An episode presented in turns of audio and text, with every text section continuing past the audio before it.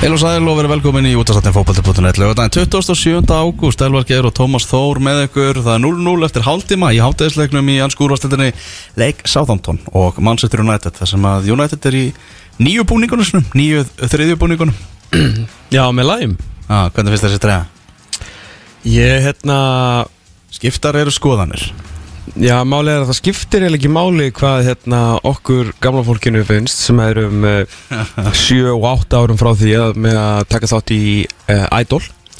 Því að þetta stýst allt um, allt um börnin í, í dag sko sem meðal annars ástæðan fyrir því að að ég held að vinsalasti uh, svona vinsalasta fótbolt og flík Íslands eða svona með þeim allavega í fósóðinum það eru æfingatreya vikings Já, af því að hún er einmitt svona ljós sægræn og þetta er bara sem krakkarnir vilja. Nákvæmlega, alveg langt frá vikingslitunum og þeir segja við pappa sinna mömmu hérna, góðan daginn pappa mamma. Geti ég fengið þessa treyju og þá segja þau við vikingana getið þið hægt að eh, búa til svona mikið af góðu stafið þetta kostar svona mikið pening. En Nákvæmlega, náttúrulega verður að þjóna þessum börnum þau eru nú úr fósfægi og, og verðum að fá svona það sem við vilja nákvæmlega unga kynsluðin, hún er bara að taka yfir. Ég mun sér það að Siggi Hlu, hann er að hætta í dag Síðasti þáttur í honum. Já, og við getum bara staðfest það að við vorum beðnir um það að fara í slútið hans og okkur að búið það, fara í bylgjuslútið á lögatöfum, Mhm. vera svona að taka við símtölum frá fyllibittum sem eru að horfa á enska boltan og svona. Já, það er svona party fótbolta þáttur já. En við ætlum að eh, halda trösti við X977 og vera hérna fram á, á lögatöfum melli 12 og 2 Já, algjörlega, þráttur að hérna Exið hefur tekið Sko, ég veit ekki hvort það sé framfara skref eða afturskref þetta ógeðslega stúdíu sem að fiskabúrið er orðið. Eh, Það hefur, eftir að Ómar, eftir að Máni hérna, ég veit ekki, er hann hættur eða ekki? Hann er allan eitthvað hérna, ég hitt hann er á kvöldin. Hann er eitthvað á kvöldin. Og Ómar er í badningafrí og hér er allt í upplöð sko. Þetta er að breytast í gasklefan gamla sko. Maður hættur eða að þóra að bjóða fólki þetta inn Er nóg af afgöngum af, af alls konar flöskum Já, já, alls konar, póló hérna, áfengislaus brí og allt út um allt Hann er alltaf að hætta að vera gamlir og vera eitthvað töðið og því síkartupakki hérna þetta líka. Já, það er þetta töff. Það Nei, ekki þeir sér hvernig síku þetta er Það þetta ekki. Heyrðu, við ætlum að fá gest í þáttir þetta Setið hlutan, Dagur Dan Þórhalsson Það er að mæta til okkar sem er búin að fara á kostu með, með breyðabliki og heldur betur nýst þeim vel. Við vorum með DDD, Daniel Dejan Djuric hérna í síðustu viku og nú er það DD Þotn sem ætlar að mæta Þannig að við tókum, fengum ungan viking í síðasta þætti og nú komum því að taka, fá, fá ungan blika í, í, í þessum þætti.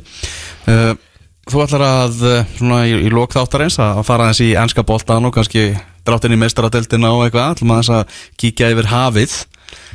Uh, og þessi fyrir hluti, hann mun fara að mestur að sjálfsögði í íslenska boltan og það er kannski bara fínt að fá stefið. Stöfið. Já, já, já Já, þeir eru ennski bóttir samt farin af stað Það er ennþá markalöst á velli Heilara Mari og Suðuströnd Englands þar sem að Southampton er með Manchester United í heimsók öll stórliðin í dag að spila nema Tottenham er á morgun reyndar Mhm. gegn Nottingham uh, Forest.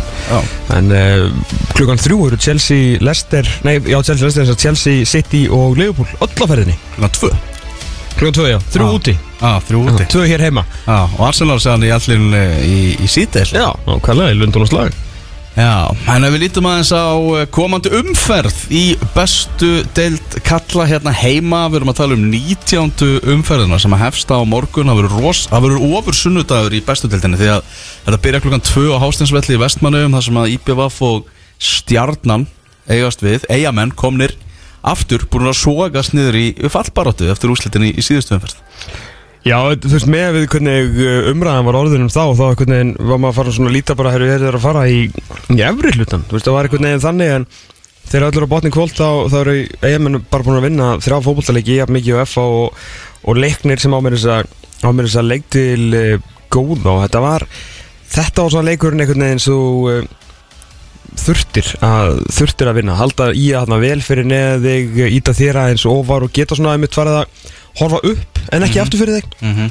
og það var bara, var bara alls ekki umdildi dómar og eitthvað en skamenn höfðu þarna sigur í fyrsta sinn síðan í april en, þeir verða nú aðeins að fara að slaka á fagnaðalátunum sko. Þetta var annar sigurleikurinn í sumar og ég hef bara aldrei vitað hann aðeins munaði ekki hvað gerði síðast eða? Það er alltaf partí hlupu aðna stúkunni og það var allt gjössalega trillt, ég meina fínt að fagna og þeir náttúrulega keirðu svolítið á, hérna, á þessari öldu undir lók síðasta tímabils að svona virkilega engagea við uh, stuðnismennina en hérna, ef ekki aðeins að slaka á og ég er ekki hérna gaggrina stuðnismennu, þeir eru að vera peppa og vilja. Þeir eru komið að það hlaupandi leikmennir eftir að vinna íþróttabandala Vestmanni, einhverjum fallbaróttu slag í átjándu umferð þegar þá hvað átt að fókbaltalegir eftir Það spilaði svo mikið inn í náttúrulega að Haugur Andri Haraldsson hafi skorað sem Já, er, sem er veist- jafn gamall og þessir, þú veist, þeir eru bara vinir hans sem eru aðal, aftur að að þá unnur ekki í, þú veist, 16 leikjum í röð eitthvað. Að því sögðu, góður, mikilvægur og komin tími þetta á sigur hérna hjá, uh, hjá ég og náttúrulega geggja að þessi, að þessi ungi maður hafi, hafi skorað og hafi verið bara ekkert lát á þessum blessuðu skaga gerum þegar kemur að, að knaspinu, sko. Nei, það er þannig Stjarnan er búin að tapa Já, við töl- tölum við á mest, mest um í að þarna Stjarnan þarna er búin að tapa uh, Tveimilökjum í röð Í fyrsta sinna á tímabilinu. Mm -hmm. Þannig að fróðilegt að sjá hvernig þeir svara því á, á Hástins velli uh, Klukka fjögur á morgun Þá er bara einna stórleikjum sumasins til þessa. Og hann er norður á Akureyri á, á, á nýja greifavellinum Þar sem að Káa og Víkingur er að fara að eigast við Þar sem að Káamenn er í öðru seti með 36 stig Og Víkingur sem að leikti góða með 32 stig í þriða setinu Mm Þannig að með sigri í þessum leik Þá er Káa að fara Já, íta Víkingum að segja svona langt frá sér.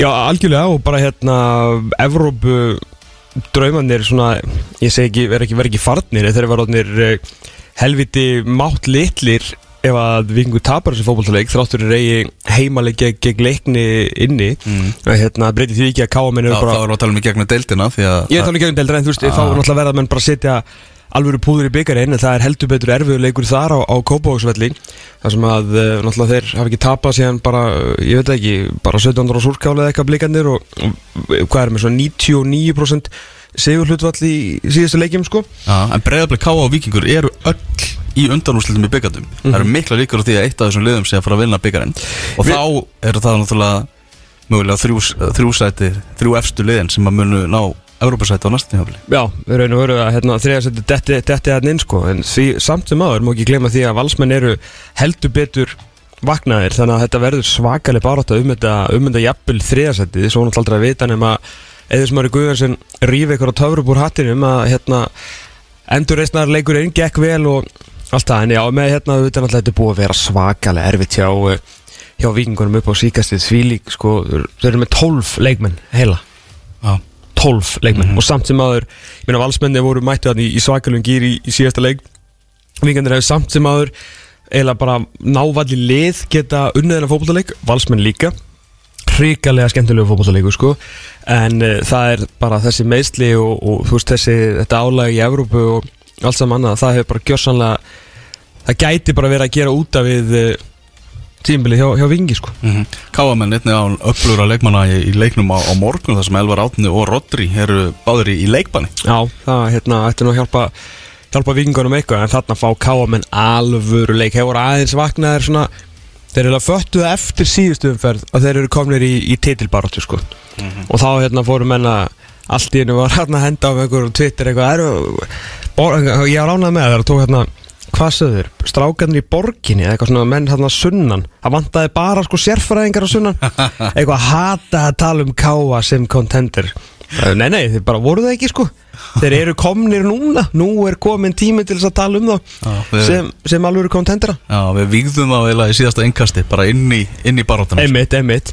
Menn vera, hérna, En þeir eru búin að vera alveg svakalega flottur upp á, á síkastíð og þetta er einmitt, þetta er einmitt leikurinn fyrir að fá heimaleik gegn eh, einu af bestu liðum landsin sem er vangbrótið, þeir sjálfur uh, örlíti vangbrótnir og þetta er bara leikurinn til þess að minnst okkur skilja bara hérna annarsætti svolítið eh, ja, skilja og svona, eigna sér svolítið annarsættið og síðan þá er það bara káa sem að getur fara að horfa á ég halda með öllum liðum sem að spila mútið breyðablíki sko. Mhm. Ég vil sjá alvöru, þú veist, gýrun í fólki á þessu leik. Það það verður ekki bara stappa þarna á vellinum þá er, þá er nú eitthvað að fyrir, fyrir norðan. Ég held að sé svona biljón prósent líkur að þetta verði þetta verði alvöru partí sko. Potti, potti Þeir hafa ekki verið í svona stöðu bara síðan þú veist, 1989 sko. Mm Klukkan 5 á morgun. Þá var það Keflavík á móti Ía. Það var mikið gleðið það skafamenn heimsóttu síðast Keflavík. Þá náðu þeir að halda sér uppi í deildinni brutu hana grindverk í fagnæðalótunum Er búið að laga það? Ég held að það sé búið að laga það. Ok. Þannig að það, þeir geta brotið aftur ef, þeir vilja. Það verður hörku bara á það Keflavíkar náttúrulega Já, töpuðu þarna 3-0 fyrir FH í síðasta leika sem voru einu manni fleiri nánast allan leikinn. Færri Já, einu manni færri segja Mm. Þannig að það var, það var erfiður bita að kingja fyrir þá En þetta verður hörkuleikur Og ég held að Ég held að keflinga taki þetta Sérstaklega svona eftir, fyrsti fenguðan að skjalli í kriganum sko. Já, ég meina þú veist, skamenni voru samt miklu líkari sjálfur sér hvað sem að það er og þýðir sko í, í síðasta leik en þetta verður mjög erfitt en, Keflavík er, er betra fótballtalið alveg, þú veist, maður veist að með alveg tölverð betra fótballtalið og með tölverð skýrari hugmyndur um hvað þeir vilja gera og eru með leikmenn og leikstíl til þess að og ala leikmenn til þess að framkama það sem þeir vilja gera. Já, maður hugsa bara á þessi menn sem eru með mitt fram á við sko. Móti vörninu hjá Ía eins og hún hefur verið í sumar. Mm -hmm. Þá held ég að þetta sé einn. Já, líka með, með heimavöldum með þessu sko. Ekki, ekki, ekki spurning og, og þeir þurfa náttúrulega að mæta þarna allir nýju hérna Haraldsson Ultras eða alltaf að reyna að öskra, öskra sínum en Þetta er endur alveg trúa því að skagamann gera þetta bara sínum heimavelli á, á morgun. Kemur ekki dórt. Svo er það KRFV Já, sem einu sinni var eh, einu sinni sko var tölum við um sem El Clasico. Já, hann er ekki lengur hann er ekki lengur þannig að það verður svaka partí hérna í, í vesturbænum á meistaravöllum á morgun. Var ekki að lesa það að Bubbi Mortens og Selma er að fara að flumfylgja þetta nýju útgáfuna af KR-læginu Bubbi náttúrulega gríðalegu KR-ingur og Selma er náttúrulega með einum harðasta KR-ingi landsins Kolbinni Tuma. Já, einum þeim allra harðasta. Já, Men við erum bara að tala um þetta er eiginlega bara Palli K.R. Páll Kolbensson Bubbi og svo er það bara Kolben Tumi. Já, Topp 5 mesti K.R.ingurinn bara á Íslandi. Nákvæmlega Þannig að vel við hæfið að hún, hún syngi þetta lag. Það finnst mér. Já, F. Gæti raun og veru bara sungið þetta til Tuma. Já, og F einhver, þeir eru alltaf áfram að, að, að þráttur þetta sé útileikur hjá þeim þá eru þeir alveg vel kýraðir í, í þetta, þetta Herru, ég mæli bara eindriði með að, kíkja á uh, hérna á Facebookina, á F-fóingar á, á Facebook. Þar er uh, svakalegt miðband sem ég ætla að giska á að uh, Freyr hafi nú, hafi nú gert fyrir þá. Og það er bara sko þvílíka sögulínan um baróttu F og K sem voru alltaf algjörlega geðgjaðir leikir hérna lengi vel uh, það er komið að næstu orustu KRF það er mætingi kaplakriklugun 2 og það er hérna opið á dælunni, léttur, spurningaleikur og rútur frá kriganum klukkan fjögur sko. Það er bara Já. eins og þetta sé sko leikur um titilinn, þetta er náttúrulega líka leikur um að halda bara lífið sinni í dildinni. Þannig að vel gert þjóðfengum og hérna að keira þetta þessu Já, og ég frétti nú hérna frá mætumanni að, að hérna að Guðjónsson hefði nú heldur sko hann notaði vist uh, útirótina á þessu stuðnismannahófi hérna á 15. síðastliðin já, og fólk fekk svona smá uh, klefa fnygg því hann var vist uh, frá Eðismála já, hann var ekki svona hann var ekki svona dú, dú, dú, dú, svona, svona hvetjandi skilur eða stóðlega hvetjandi.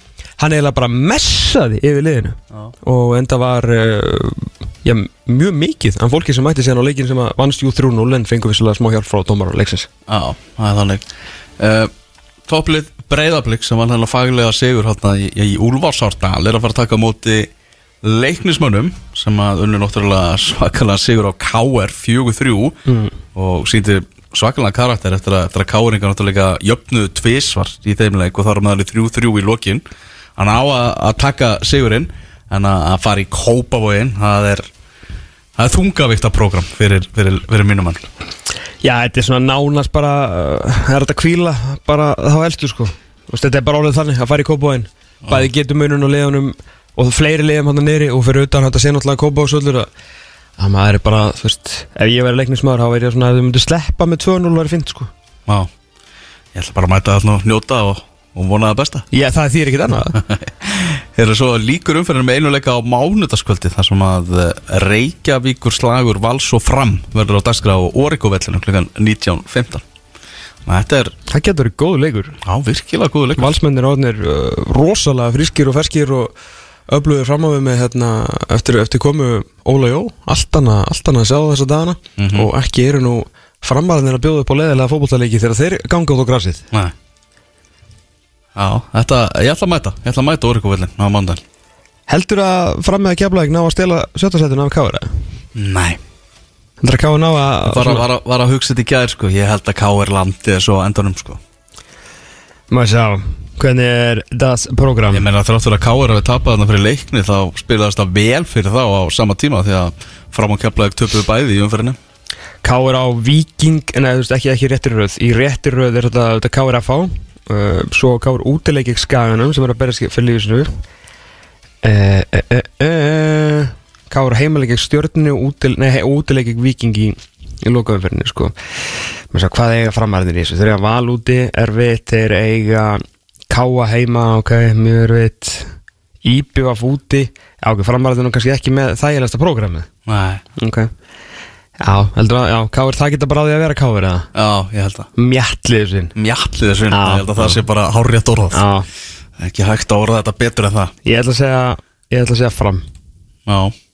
Fram Já. verður í, í evra umspilinu þegar 22 umfyrum er lókið Vá, hvað verður mikið stemming í Úlfarsáldal þá.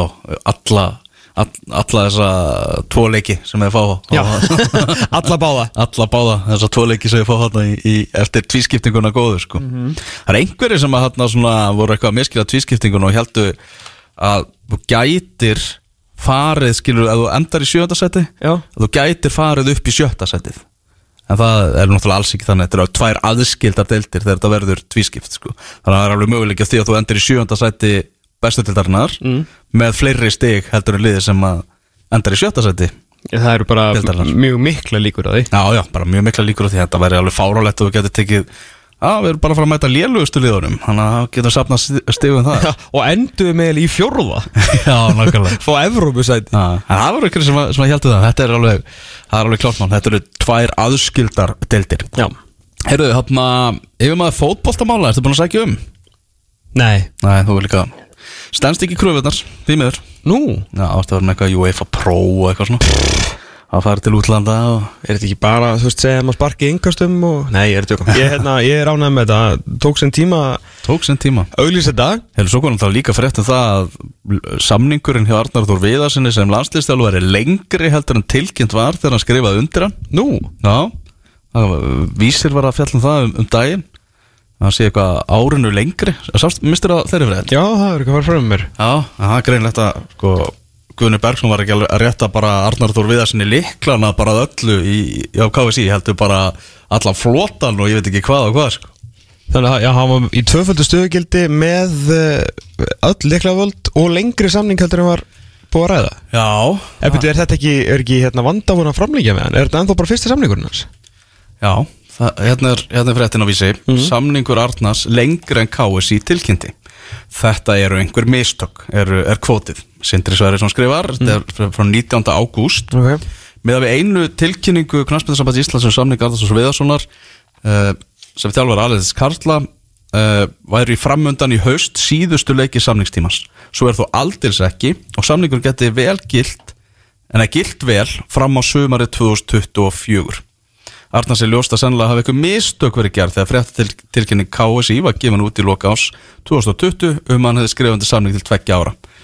Uh, tilkynninguna má raunar þegar þetta er skrifað en sjá á vef KSI og fjölmjölar nýttu hana í öllum fréttaflutningi. Samt kom engin leiðrétting frá KSI Ómar Smárásson deltastjóri samskiptallar KSI sagði í bref til Bladamanns hafa skrifað fréttina á vef KSI sjálfur á sínu tíma eftir upplýsingum frá þáverandi formanni Guðna Bergsinni Ég elsk Alltaf áfram að Svona búið liggur skilur og svo svona alltaf svona aðeins að sparki hann. Já, að hann skrifaði undir svo kallan 1 plus 2 samning þar sem var uppsagnar ákveði var í lok ást 2021 en það var ekki, ekki nýtt, það voru náttúrulega þessi Já, stjórn Vanda tók þá ákvörðun. Ja, það var náttúrulega stjórnarskiptin og Já, allt ég, ég er að það sko. segja það, já, já, hún gæti raun og veru tekið uh, Svo krakkarnir segja tekið gikkinn þar En ákvaða hérna halda tröstu við hann Og þá fekk hann tveggja ára. Já, það er óvægt að segja það að Guðni Bergson hafi sett bara öll ekkin í Arnarsdórs Viðarsson körfuna þegar, að- þegar hann var ráðinn sko. Já, hann er bara einum hagstæðum úrslitum og einum útisigri frá því að uh, færa okkur upp í aðildina Já, nokkvæmlega, það sem að rússarnir fengu ekki að vera með. Jú, jú. Hérna já, hann er uh, Það er að koma nýr yfir maður fótboltamála Heldur að verði innan húsræðning eða, eða einhver utanaukomandi Getur þú séð, þú veist, Jörund Áka eða eitthvað að taka þetta Var ekki ykkur að segja við okkur um daginn að það verður bara langt líklega þessi stöðun eða? Jú, ég heyrði náttunum hans sem eitt fleikt fram þar Ég bara, hérna Það er náttúrulega rosalega káis í lekt sko en ég er toppmaður sko búin að vera í þessu, vera í þessu lengi en ég myndi vera að sjá einhvern svona, einhverja aðeins aðra pælingu sko mm. ég veit ekki alveg hvort maður ég myndi vilja ég var eitthvað að hugsa þetta um dag nei já þannig þegar ég sá að, að hérna auðlýsingin var farin út hvort að við myndi vilja erlendan hérna ég maður knaspunmála eins og gekk vel þú veist með erlenda þjálfara. En, en líklega ekki að þú þarf náttúrulega að kunna á allt systemi sko þó komið kannski með ferska sín að það mátti ekki vera alveg frá, þú veist, svona, voru að vita aðeins um hvað yngjörflokkarnir snúa sko. Það þarf að vera erlendur aðeili sem er tilbúin að flytja hingað. Já, já, já, já, já, já al algjörlega sko. Ekkert, ekkert fjárdæmi sko en, en líklega verður hann að- aðeins að vita bara um hvað víslisku fótbolti snýst sko. Já. hérna, en já, Náttúrulega, Arna Gretarsson hefur sint störfum með þessum titli hjá stórum félögum í, í Evrópu. Já. AEK Aþenu meðal annars og í Belgíu. Mm hann er, hann er uh, er hann ekki svo hæfasti svona, þú veist, allan hér á landi Já, það kemur á þessum starfstitli. Þessu starfstitli sko. Já, bara þú veist, allan að, að segja kannski meira bara reynsluna að ég hafa gert þetta. Já, við erum Ólaf Kristjánsson sem að er að sinna starfið með þennan titil hjá Breiðabliki eins og staðan er núna. Það er maður sem að ég myndi vilja sjá þetta starf. Já, hann geti farið st- stíið þarna. Uh, ég, það getur ekki verið að hann ætla að vera inn á skrifstofu bara hjá breyðabliki næstu tíu árin sko, með fullu viringu Já, við erum með svakalegan fótbolta pælara sem hugsa út fyrir bóksið í Kristjári Guðmundssoni þjálfari, þjálfari kvennali stjórnunar hvar er hann? Ég veit hann er að þjálfa stjórnuna ég bara, ég sakna svo mikið að heyri í honum. Já, þú veist, tala um fótbolta? Já.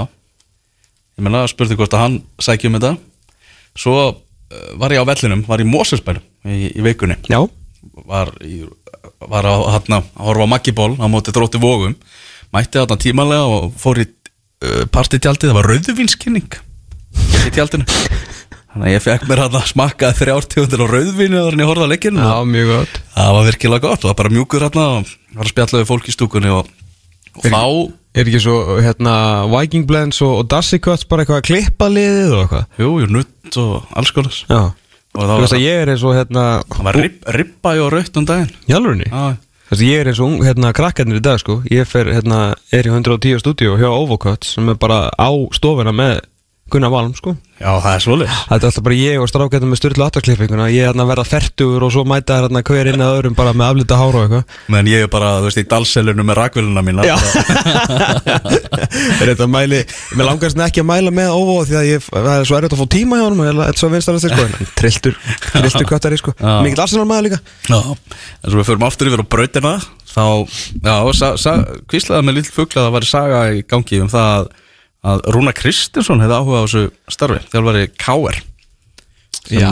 sem að hann spurði mig hvort ég hefði eitthvað, eitthvað hýrt af þessu og maður svona, að þetta er, er algjör, algjör kjæftasaga þetta er, þetta er slúðursaga, gróa á leiti Hann hefur náttúrulega starfað sem yfir maður knarspilnumála hjá K.R. Var hann kannski ekki eitthvað svakalega lengi Þannig náttúrulega mm.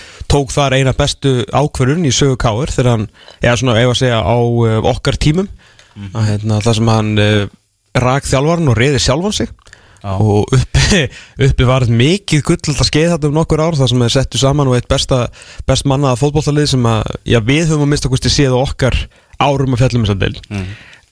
Þó að hann hefur kannski ekki sinnt þessu starfi per se á einhverjum, uh, einhverjum stóru sviði þá er þetta samt Rúna fokkin Kristinsson hann er, uh, nei nú má hann alltaf ekki segja lengur Birgir Var landsleikjahesti. hann er með yfir 100 landsleiki atunumæður til margra ára farsal sem slíkur, hefur þjálfað tvö erlend knarspunnilið uh, unnið ótal titla hérna heima og, bara algjör fámaður og algjörfamaður og svona gæði sem að þjóðum myndi bara treysta. Já, þú veist, ef hann væri í þessu sko. Þannig að þetta, ég, og líka þú horfður á þetta káilið, þú veist, hvað er hann að fara að gera meira við það? Já, er í brasi, er komið tíma og og, er ekkert endilega, þú veist, að því hann er þú veist, að fara að skilja við á einhverju Brasil, þessi bara, hann hvort sem að sé honum að kenna eða hverja sem er að búið að tala nógum um þetta rekrútment hjá káliðinu þetta káirlið er á okkur svona smá endastuð Já. við sjáum Það var vissulega örgulega margir káringar sem væri til að sjá Rúna Kristinsson fylgja káir á nýja völlin inn í nýja tíma. Auðvitað, auðvitað, en þeir eiga náttúrulega annan klettaran káring sem er nú svona nánast búin að taka yfir hérna á hliðalínunni sem að gæti verið spilandi eða sérst, þjálfandi frangandastjóri Bjarni Guðjónsson. Að hérna, ég meina þú veist, þeir eru bara með dundur mann og dundur teimi þarna til þess að klára þannig að Rúna myndi ef hann myndi taka, þú veist, taka þetta skref þá væri samt káir áfram í, í fínum málu með, með Bjarni Guðjónsson sko, hann alltaf fór Bjarni myndi taka tilraun 2 í, í að, að stýra skútinni Já, Sagan dæmdi eða sko, Sagan dæmi Bjarni Guðjónsson finnst mér hérna ekki hart, veist, í, í núinu þegar hann var látnum fara á sín tíma ég veit að gekk ekki vel, en eins og fyrra tímbilið var hann ekki með eitthvað 40 stig eða eitthvað og var bara, veist, gekk ágætlega og svo fór þetta eitthvað aðeins í skrúuna en hérna, og það er bara þannig núið er alltaf erfiðast hjá Káir sko, en þú horfið tilbaka á, á tíma Bjarni Guðjónssonar hjá Káir þá var þetta hérna, eins og segi, Sagan svona, dæmir hann ekki jafn hart og, og hérna, núið gerði þá. Ég held að það sé bara eitthvað um miðjan september sem að uh, umsóknar frestur, fresturinn rennur út. Ok, þannig að þetta ætti nú bara þetta ætti ekki verið allt á langt í það þetta bara skýrist hver verður næsti yfir maður fótballtamáli á KFC En hver tekur ákvörunum þetta? Þú veist, Það- er, er aðilinn eða aðilarnir sem að taka ákvöruna eru þeir nógu hæfir til þess að eh, taka þessa ákvörun? Að ég veit að við þurfum að finna nógu hæfan einstakling í starfið Mhm. uh, en er, þú veist, er nógu mikil hæfni en sambandsins til að taka ákvörunum þetta? Er þetta bara stjórnir sem gerir þetta eða, eða hvernig, Og hvað veit hún um þetta? Þetta er glæni stjórn, sko umsóknir sendist á netfangi klara at kfc.is Já, uh, umsóknarfrestur er til og með 15. september 2022 uh, kemur ekki fram hérna hvernig, hvernig þið standa að ráðningunni, hvort þið munu fá eitthvað utan að koma til fyrirtæki til að skoða þetta hvort það sé stjórnin eða ég ætla að segja ekki bara stjórnin og, vandaði eitthvað og náttúrulega vandalega mm. með við hérna völdin svolítið sem Arnar hefur þá getur verið náttúrulega hann að eitthvað eitthvað puttan í þessu sko Já, það er möguleik af því það er náttúrulega leðilegt að þú veist, fólk var að sækja um sko og svo kannski bara skildi fólk ekki svona alveg bara hvaða pælingar eru. Náttúrulega má ekki gleyma því að það er búið að e, það hefur verið ansi hröð og allt of hröð enduníun á fólki þarna innan KFC eftir, hérna, eftir stormin mikla. Mhm. Það er alveg hárétt sko. Þetta er svona, mann finnst eins og fólk sé ennþá eitthvað veginn svona að fóta sig í þessu sko. Mhm. Það er þannig. Er það var dreigið í riðla í meistarateldinni, Evrópudeldinni og svo upp á skemmtinu okkar sambandsdeldinni Mhm. núna í, í vikunni. Og í gær var dreigið í, í sambandsdeldina þar sem að Istanbul Basaksehir sem sló breyðablík út í, í fórkeppninni er í riðli með Fiorentina frá Ítalíu Hearts frá Skotlandi og RFS frá Ríka í, í Lettlandi. Ekki lægi sko. Uh, Leg Postan sem sló Viking út þeir eru reyðli með Villarreal frá Spáni Hapoel Berseva frá As Ísrael og, og Austria Vín frá Austuríki mm það er þannig og hérna það eru svona alls konar lið sem að má hérna finna og við sjáum það sko Balkani frá Kosovo komst í reyðlakjöfni sambastildarinnar -hmm.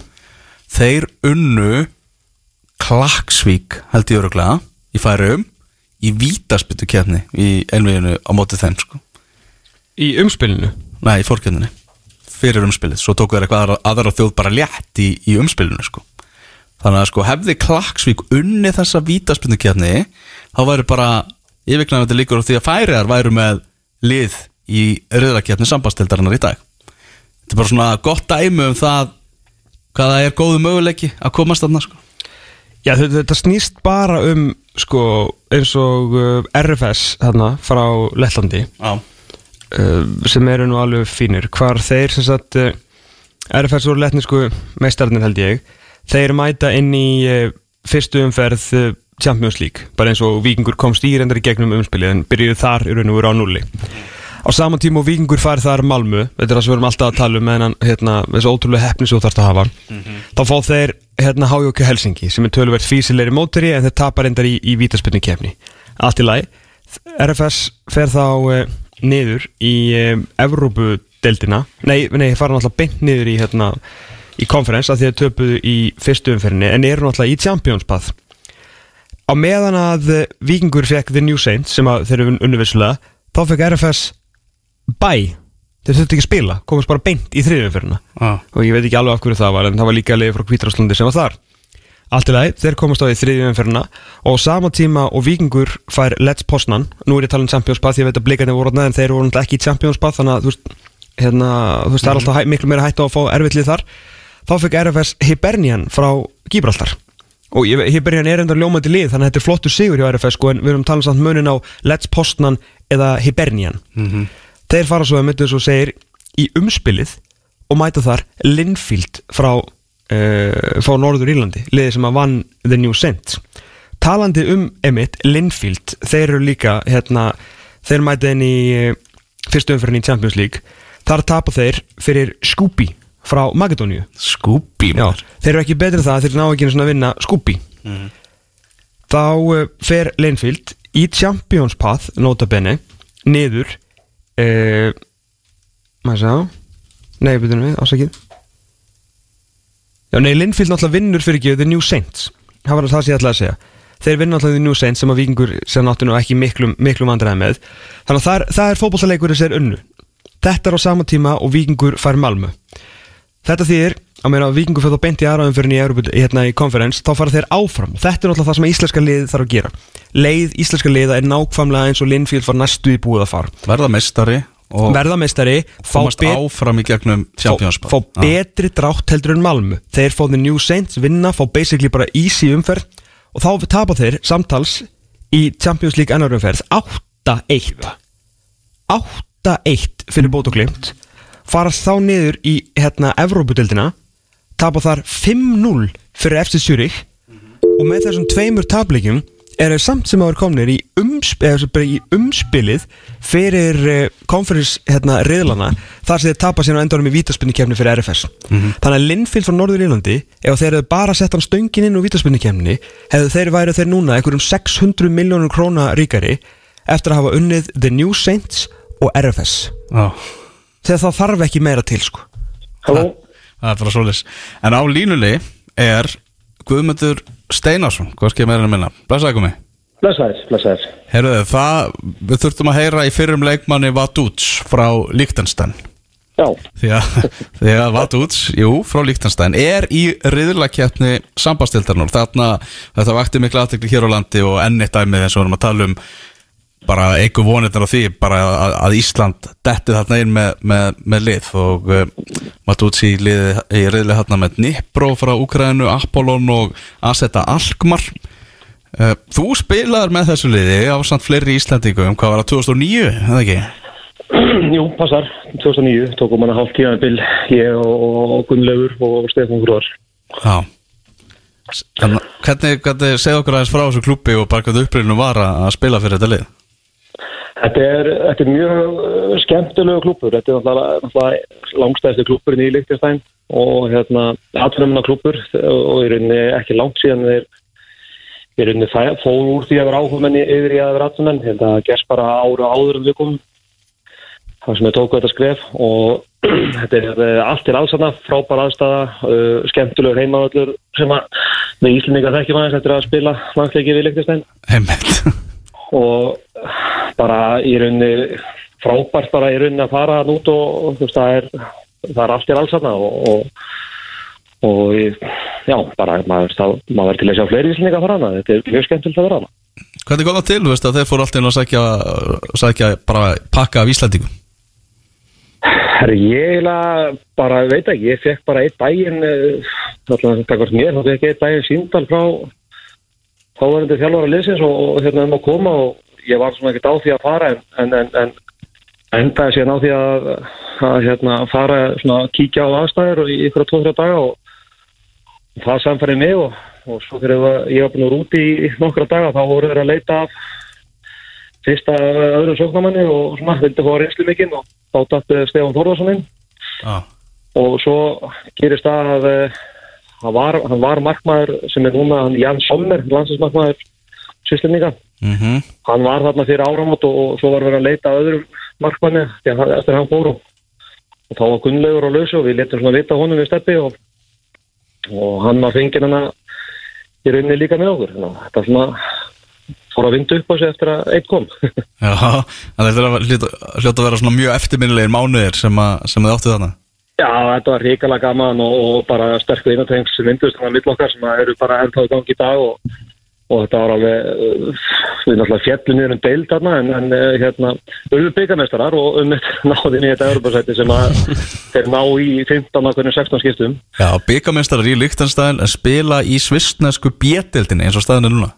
Já, þeir, hérna, þeir eru svolítið að flakka upp á milli delta og yfirleitt þegar þeir hafa komist upp þá hafa þeir uh, farið beint niður aftur og svona, það er svona eina sem er svona kannski að sjá og það er að þeir, þeir ná ekki að festa sér sessi í efstild og það er svona þegar þeir hafa komist upp þá er litið á það svona smá hopniða því að svisnensku liðin, það er bæði, er, þetta er skattaparadísana, mm Mhm. -hmm. skattur sem þeir þurfa að borga og svo er líka að þeir eru áskrifundur af Európa-setti að hérna, svo, svo er það líka þegar þeir eru í úrstendinu þeir geta ekki orðið mestarar og geta ekki fengið eh, eh, ef þeir myndu slýsast alveg að vinna deildum þá eru þeir ekki grindu mestarar og þeir fá ekki, ég heldur meira að segja að þeir fá ekki svona sjónvarspinning um að, eh, að þessu, þannig að þeir eru algjörlega sér á báti sko. Já, bara liðið sem endar í öðru sæti ef að Vatt Úts myndi vinna svisnesku deildina, úrvalstættina það myndi bara vera kryndur svisneskur meistari. Já, og svo myndi Európa-sættinu fara, fara bara niður. Þeir fá geta ekki unni sér Európa-sætti í gegnum svisnensku deildum Já, ok, áhugavert og þetta er náttúrulega, já, fyrsta sinn í sögunni sem að B-deildarlið kemst í reyðlakefni í Európu Já, þetta er bara frábæra árangur hjá þeim og, og í rauninni svona að maður skoða þegar þeir eru með leikmenn frá Líknestæn þá er það landsinsmenn frá Líknestæn og svo er þeir svolítið mikið að ná í bæði frá Austuríki, Sviss og, svo bæði Ítali og Þískalandi leikmenn og þegar þeir hitta rétt að blöndu þá geta verið helviti góðir. Já, þarf ekki að fara út af leiki í, sambandstildinni á, á heimaleikjaðum í, í Vatt Úts Já, sjálfsög þurftum að gera það. Það er bara, bara hérna, að vera geggja sko. Já, þetta, er- þetta er alveg, alveg trillt dæmi sko. Þarna- Já, og þetta eins og segir, það, við segjum þetta svona að Lichtenstein var, að, var á undan okkur en þetta gefur okkur vonu það að við færum snær allan daginn og það er runni bara eins og þetta, þeir, þetta skref sem þeir tóku að vera bara þeir eru bratunmenn og, og bara æfa sem slíkir og ja, bara eru alveg en þetta er svona smeska, eitthvað skref sem við á Íslandi erum svona mest í að taka en við erum ennþá með þóttu skilgrunum nokkuli hérna heima sem atunmenn að þá eru leikmenn þar inni sem eru í rauninni ennþá í námi og öðru sem að kannski trubla það að geta verið með allt liði sem atunmenn og en það er bara það þarf kannski bara að taka þetta skref bara algjörlega hérna á Íslandi, þetta er eitthvað lið bara hvað spurning hvað lið eru fyrst að að bara skilgrinni sig algjörlega svoleiðis, ekki bara taka sömurinn sem svona einhverja atvinnumennsku að taka allt árið umkring. mm Algjörlega. Herðu Gummi, takk bara kjalla fyrir að gefa, svona, smá, gefa okkur smá insýn inn í, inn í Vatt Úts Við munum að sjálfsögum fylgjast vel með þeim í sambandstildinni í, í vetur. Ekki spurning. Herðu, heyrust, bye bye Ok, bye bye. Já, Gummi Steinar sérna á línni Fyrrum leikmaður Vatt Úts í, í Lichtenstein Já, það var, það voru merkileg tímar þegar þeir fóru þarna Það félagarnir var skemmtilegt Ég var bara að gleyma því að Stefán Þórðarsson hefði verið þarna líka sko. Já, ég held að það voru bara þeir tveir Já, myndi bara til Gumma og, og Gulla sko. Þetta var alvöru, alvöru tríó sem þetta var mætt Heyrðu, stór, stórfréttir í gær frá Serbíu, frá Belgrad Milos Milojevic tekin við er að gera rauðu stjörnunni Hæ? og þetta er risa, risa, risa stórt Ég fór fyrir þessu ári í já, byggaleg með, með rauðu stjörnunni í Belgrad, það var mjög skemmtilegt. Og þetta er náttúrulega, sko ef að Milos sem var rekinn frá Malmö ef hann hefði ennþá verið í starfi hjá Malmö og rauða stjar- stjarnan þurft þjálfara og ringdi hann hann hefði sagt upp strax. Já, líklega. Já, bara Rauða stjarnan er bara heilagra heldur en allt í augum þeirra sem að halda með, halda með þeim eru ekki partisanmenn í, í Belgrad. Þannig að hann er komin hérna í Reisa klúb sem er náttúrulega bara í reyðlakefni Evrópadildarnar Já, byrju, af hverju, hérna, byrju, sinni sem að Helovits hætti?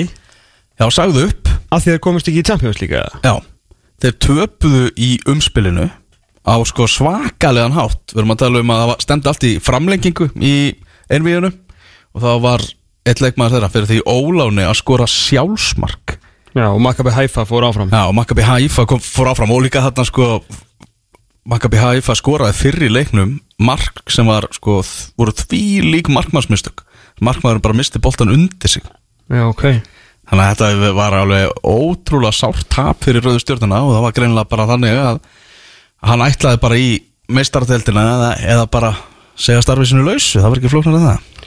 Já, og hérna, eins og, eins og segir að þú tapar í umspili Champions League þá þarf ekki að spila eitt meira og þú fer bara beint í reyla kefni að örbudildarinnar Já, þannig að Milos er tekin við rauðu stjórnunir sem eru held ég með fjögur að stega fórustu á toppi serfnesku dildarinnar og í reyðlakefni Evrópadeildarinnar Þetta er alveg ótrúlegt eh, rétt eh, smá uh, innskot frá velli Heilara Mario á Suðuströð Englands. Bruno Fernandes sem að uh, líkar lífið Cristiano Ronaldo og Lois var að koma Manchester United yfir eftir fína sóknu þegar Lime klættu Sáðan 0 Manchester United 1 búin að eiga nokkrar fína sóknir. Að því hún er langa verið nokkuð sprækur. Diego Dalot með fyrirgjöfina og þetta slút hjá Bruno Fernandes er frábært.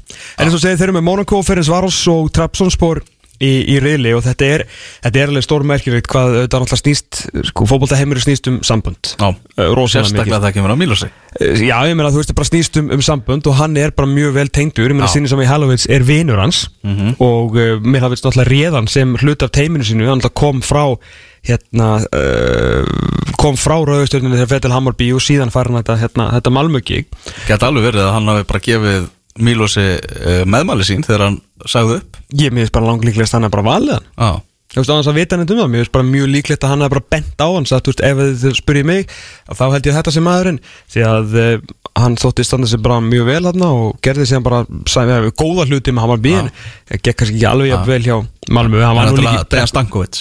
Dejan Stankovic ekki sínum sem með alveg fyrir fyrir fyrir að hérna, uh, sem er einmitt, einmitt félagin, sko, Já, fyrirleikmaður reyndir Já, en hann heldur Erlendir líka félagi sinna sem er helveit, þess vegna var ég að röglega saman. Dejan Stankovic allir að segja að hérna, og þeir, þeir eru góðu vinnir og þetta er náttúrulega ekkit eðlilega hjút sem vera rekin bara svona, þú veist, með spá svona skið og skam frá, frá Malmö og náttúrulega valla komin inn í starfið, sko, samt sem áður þetta búin að vinna í titil, uh, byggjumestartillin en, uh, og fá síðan rauðu stjörnuna, bara þú veist, þannig séð draumastarfið og engan smá glugga, því að þú veist, hann er búin að snerta á, á Norðurlundunum hann er búin að vera hann í aðstoflutverki nú er hann komin í aðalhlutverk og þú kannski ert ekkit endilega að vera það er ekkit endilega að vera að sækja þig til að stýra einhverju stærri liðum ert bara með rauðu stjörnuna að gera einhverju hluti í Serbíu. En hann er að fara að stýra hann, Milos Milojevic er að fara að stýra liði í riðlakeppni Európa-deildarinn sko. Bara stærsta klúpi Serbíu Þetta er bara risa þetta er alveg magnað sko. þetta er magnað hvað, hvað bara næst hjá Mílosi með að við hvað hann alveg ríkur þetta ríkur upp í, í þjálfara fræðunum sko. Já, maður það bara svona ætla Dejan Stankovic fá ekki eitthvað þú veist, eitthvað fínt starf á Ítali eða eitthvað þú veist, Mílos ættir að þjálfu í serju A, ég lofa þér því sko. ég lofa þér því að Mílos ættir að þjálfu í serju A Ok, og þú hefur ekki sveikið lofur sem þú hefur gefið mér hinga til ja, það er ekki Nei, að það er alveg ljóst að Mílos er að fara að þjálfa í serju A eitt daginn mm Mhm. -hmm. Herru, við ætlum að fara hans í lengjutöldina eftir smástund Þú ert að hlusta á fótbolti.net á exinu 977 Það er ljómandi fínt viður úti og þú veist ekkert hvað þú átt að gera það er bara um að gera kíkja haldi í árbæn þar er partystemming, það er, er knattrautir og kandifloss og grillaðir borgarar og, og ég veit ekki hvað, hvað fylgir gróta með leikurinn sem að verður klukkan tvö og jafntefli innsiklar e, það að fylgismenn fari upp í bestu tildina hafa tekið þetta svona nokkurn veginn bara með vinstri í, í sumar. Hafa ekki þurft að eða að sína einhver stjórnu tilþrif og bara unnið, unnið leiki og, og eru ja, verðskuldað að fara upp í deiltæra bestu. Já, það er uh, erfitt að segja eitthvað annað. Búin að vinna flestu leikina og tapa fæstum með búin að skora mest og, og fá þessi fæst sko. það er klálega bara besta liðið því Bestir. þessi- bestir með fimmstega fórskotan á, á háka og hvað það er ekki bara punktur í dag og þá er þetta komið? Já, og Kjartan Kári er í banni hjá gróttu. Já, já. Þeir hafa svona að enga að keppa.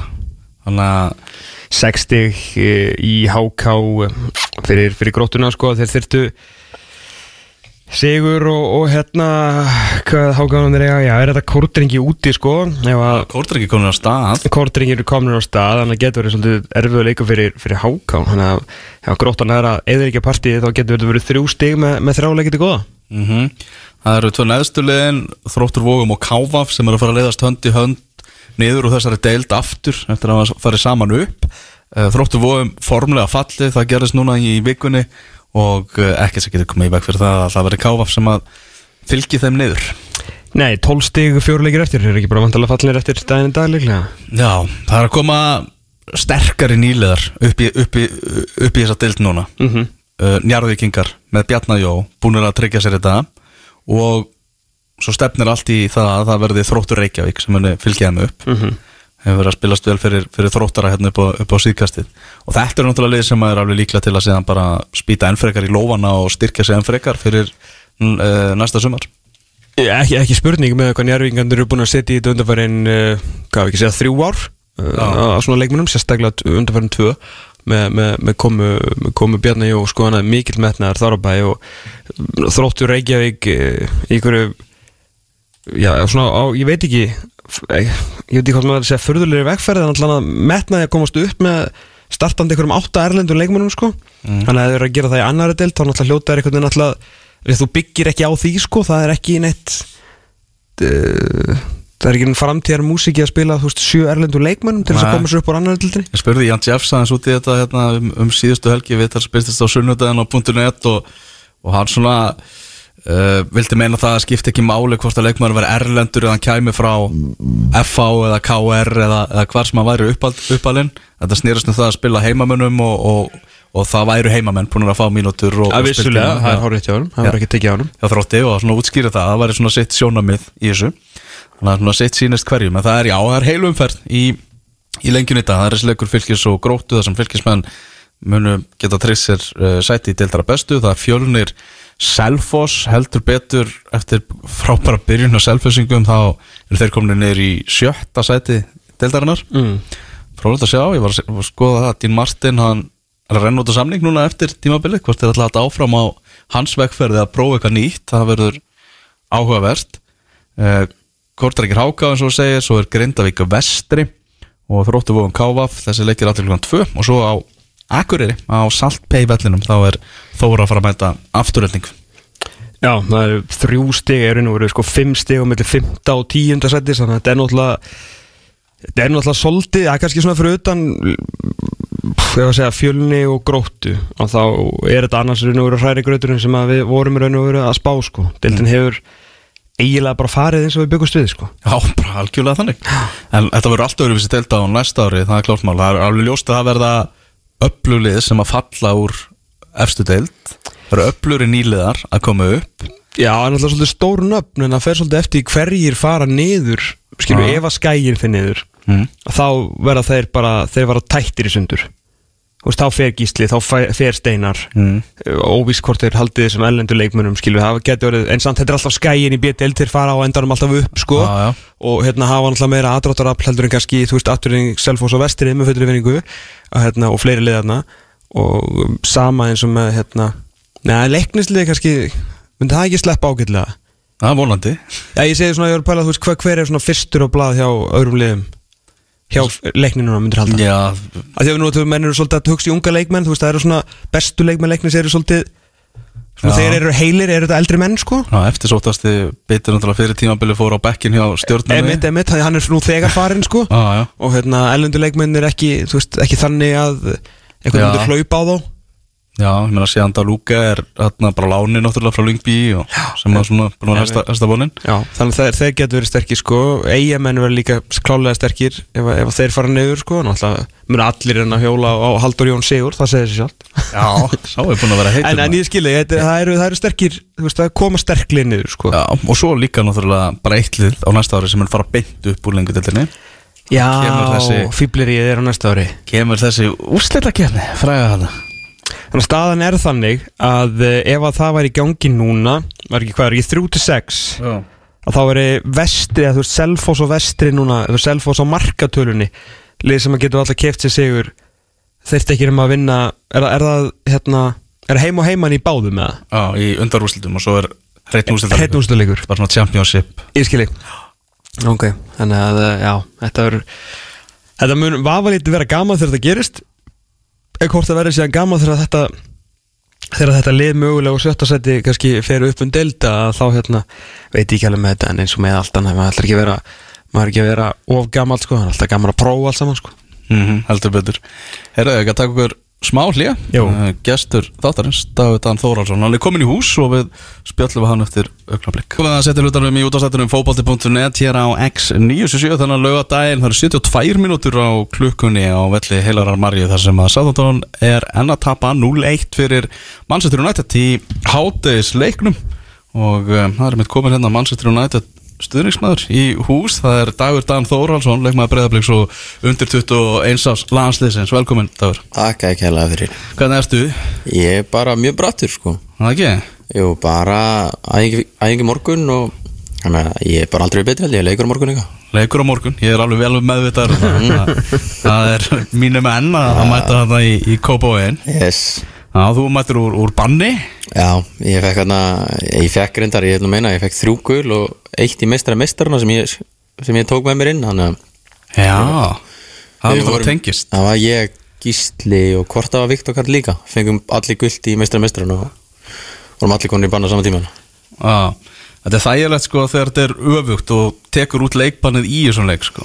Já, það er, veist, að ég veit ekki, mér fannst það frekar, frekar skrýðið en ég stjórnir sig ekki sko, Nei, við miður Var ekki, hver fekk ekki rautti henni ekki árið?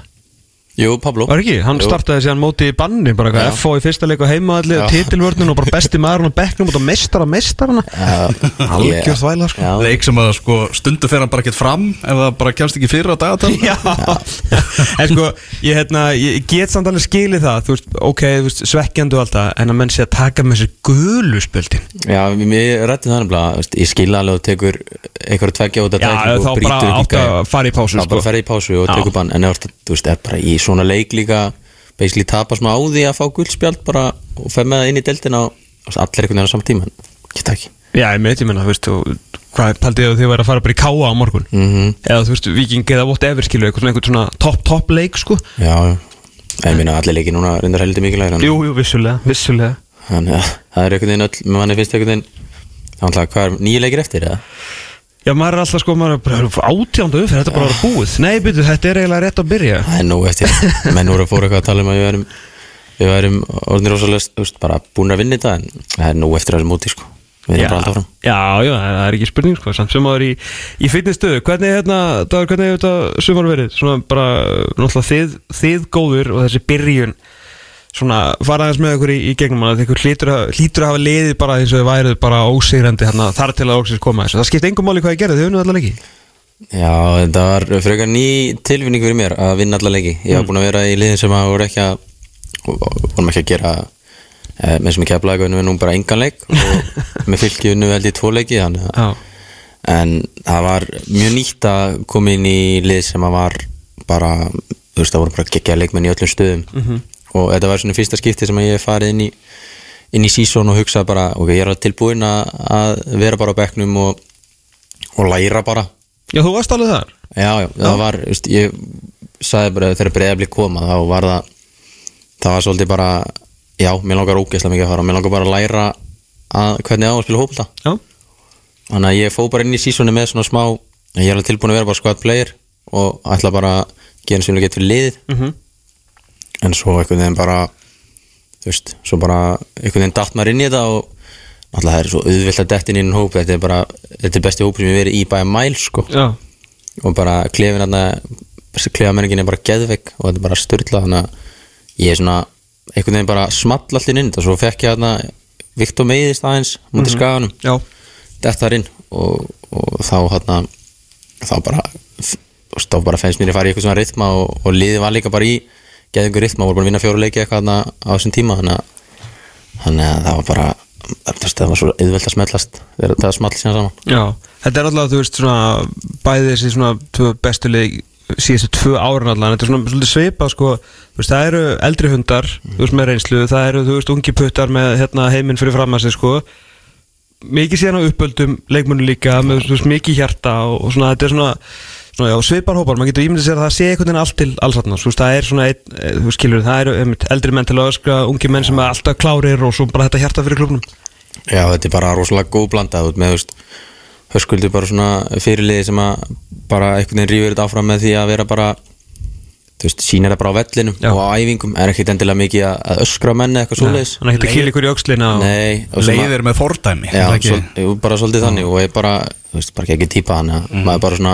í sem það eldir hann og svo ertu með, menn eins og Oliver og, og Damir og, og menn sem að, svona bara ef þeir tala þá bara smá þeir, hlusta bara á það þannig að þetta er bara svona geðbland og svo ertu með þarna nokkra vittlisengar og mig og Hessan Dada og Sölva og eitthvað þannig að þannig að við erum hann eitthvað að halda stemningunni gangandi. Mm. En þegar svona, ég ætla ekki að segja fóra eitthvað hallundan fæti en það kom undan nokkur leikir þar sem þið fóru nú ekki voru nú ekki að vinna alla leiki mm bara svona þetta var kannski bara aðeins eðlilegt eins og ef þetta var það óeðlilegt í, í byrjun. Uh, svona finnur þú fyrir þú var náttúrulega vast ekki í fyrra þegar þeir voru þarna bara andadrætti frá því að, að vinna þetta allt saman. Finnur þú fyrir svona hvað að segja, eitthvað svona blandi af, af hungri skástrygg bara smá bræði? Veist, út af þessu að menn séu bara ennþá drifnar að, að missa þetta ekki alveg á höndunum bara ok, kemur tableikur, kemur jættefli en bara áfram Já, við gerðum okkur ég held að við gerðum okkur allir grein fyrir við vorum ekki að fara að vinna 27 leiki á Nei. það eða, það hefði verið það hefði verið ekki það hefði verið geggja sko, við, við vorum alveg tilbúinir í það og við vorum að fara inn allir ekki til að vinna en, en þú veist að við hugsaum að það mun alveg koma eitthvað, eitthvað tíum þess að mun koma smá, þú veist, við gerum jættefli að töpum hér og þar þannig, að en þú veist men ég veit að bara menn eftir F-leikinni fyrra voru menn starfnir í að, að ná eins langt að við geta á þessi tímbili og auðvitað, auðvitað viljum við það skilju það er bara að halda áfram sko. Hvernig, hvernig hérna, maður svona hert alls konar hlutum með, með æfingarnar og bara hérna, leikstíl, Hva, hversu lengi er hérna ungu leikmæður sem þú bara að náðu í það sem þið er að gera, hversu flókið er þetta með það sem að þú er áður verið að æfa? Sko, það tók mig alveg smá tíma. Um, Líka bara svona jafna mig á því hvernig veistu, Þetta er bara allt öðru í seldur en ég spila hópalta mm -hmm. og bakverðinir eru bara, ég ætla að spila alla stöðu núna eins og er þannig Jú, jú. Ég, mér vantar bara miður ég, þá er ég, ég væri alveg að fá hana einu sinni til að geta spila stöður Kemur í lokin, ég, var, ég er svona vonast til þess. Þá get ég sagt ég að spila alla stöður í tímbilinu alvöru utility með En þú veist þannig að þetta datt svona svolítið, mér fannst þetta að koma svolítið þú veist, að ég fatt að þetta smá þegar vorum út í Portugal þarna á mótinu. Já, þar fannst mér þetta að smetla svolítið hjá okkur.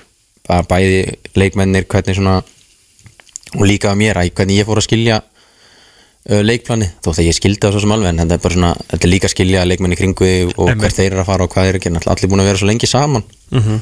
þannig að það var bara svona smá að komast inn í það. Bara hugsa, ég veit bara að skuldur að vera að gera þetta. Já, já, veist, þannig að, þannig að ég bara, hvað sem ég er á vellinu skilur. Já. Ok, þannig að þú, þú ert alveg, þú veist, sáttur við að hérna, vera svona, veist, út um allt og, og alls það er einhvern veginn? Já, ég satt að ef ég er að spila í liði sem að, sem að er að gera vel á Íslandi þá er mér svo sem sama, ef ég myndi spila í marki þá er gæti ekki meira saman sko. Veit ekki alveg hvað stuðnismennu breyðarbúrsmyndir þetta? Já. Finnastu það, er þetta með, með finnast það Gæti margmál? eitthvað markmann Ef hann myndi með það, þá gæti ég hoppað í Já, marki þú te- þú tekur það, aftur í síðasta leik. Það var svona- Klári þetta. Já, Heyrðu þarna eitt smá, smá út út úr, þetta ég glemdi, ég ætla að taka þetta áðan. Já. Ég glemdi því, við þarna e, á skrifstofunni í gerð þá setti ég saman ákvæmna nefnd. Við völdum þetta úrvarslið fyrsta þriðjungs í, í bestildinni þannig að það var komið að því að velja úrvarslið umferða 10 til 18 í, í deildinni. Ok og hérna við settum það Stuttur saman lokakablið samt en, en ha, þá er lokaspretturinn 19 til Nei, þetta er bara þriðjungur því að það eru náttúrulega 27 umferðir sko. Já. Já, þú tekur hérna umspilið inn í na- Já, það, já það er bara tveir þriðju á mótinu sem er, Her, Þetta er búin miklu þægilega heldur þú vorum að fara í þriðjungsuppgjöru 22 leikjum Já, Það er það ekki er hægt að þannig. deila 22 nei, hvernig gerðu þið það þá? Nýju núna. er bara, við gerum eiginlega bara það sem við vildum sko Já, Það er oftast verið þannig En svo var ég að hugsa sko þegar 22 umfyrir búinar Mhm. þá veljum við skiluru besta markmannin, besta varnamannin, besta miðumannin, besta sóknamannin Já, mikið sem Já, í deildinni. Já, það var þú í öllum flokkum. hverju. Já, snill Þetta er rosalega tíumbil Er það úrvarslu umfæra 10 til 18 Ok.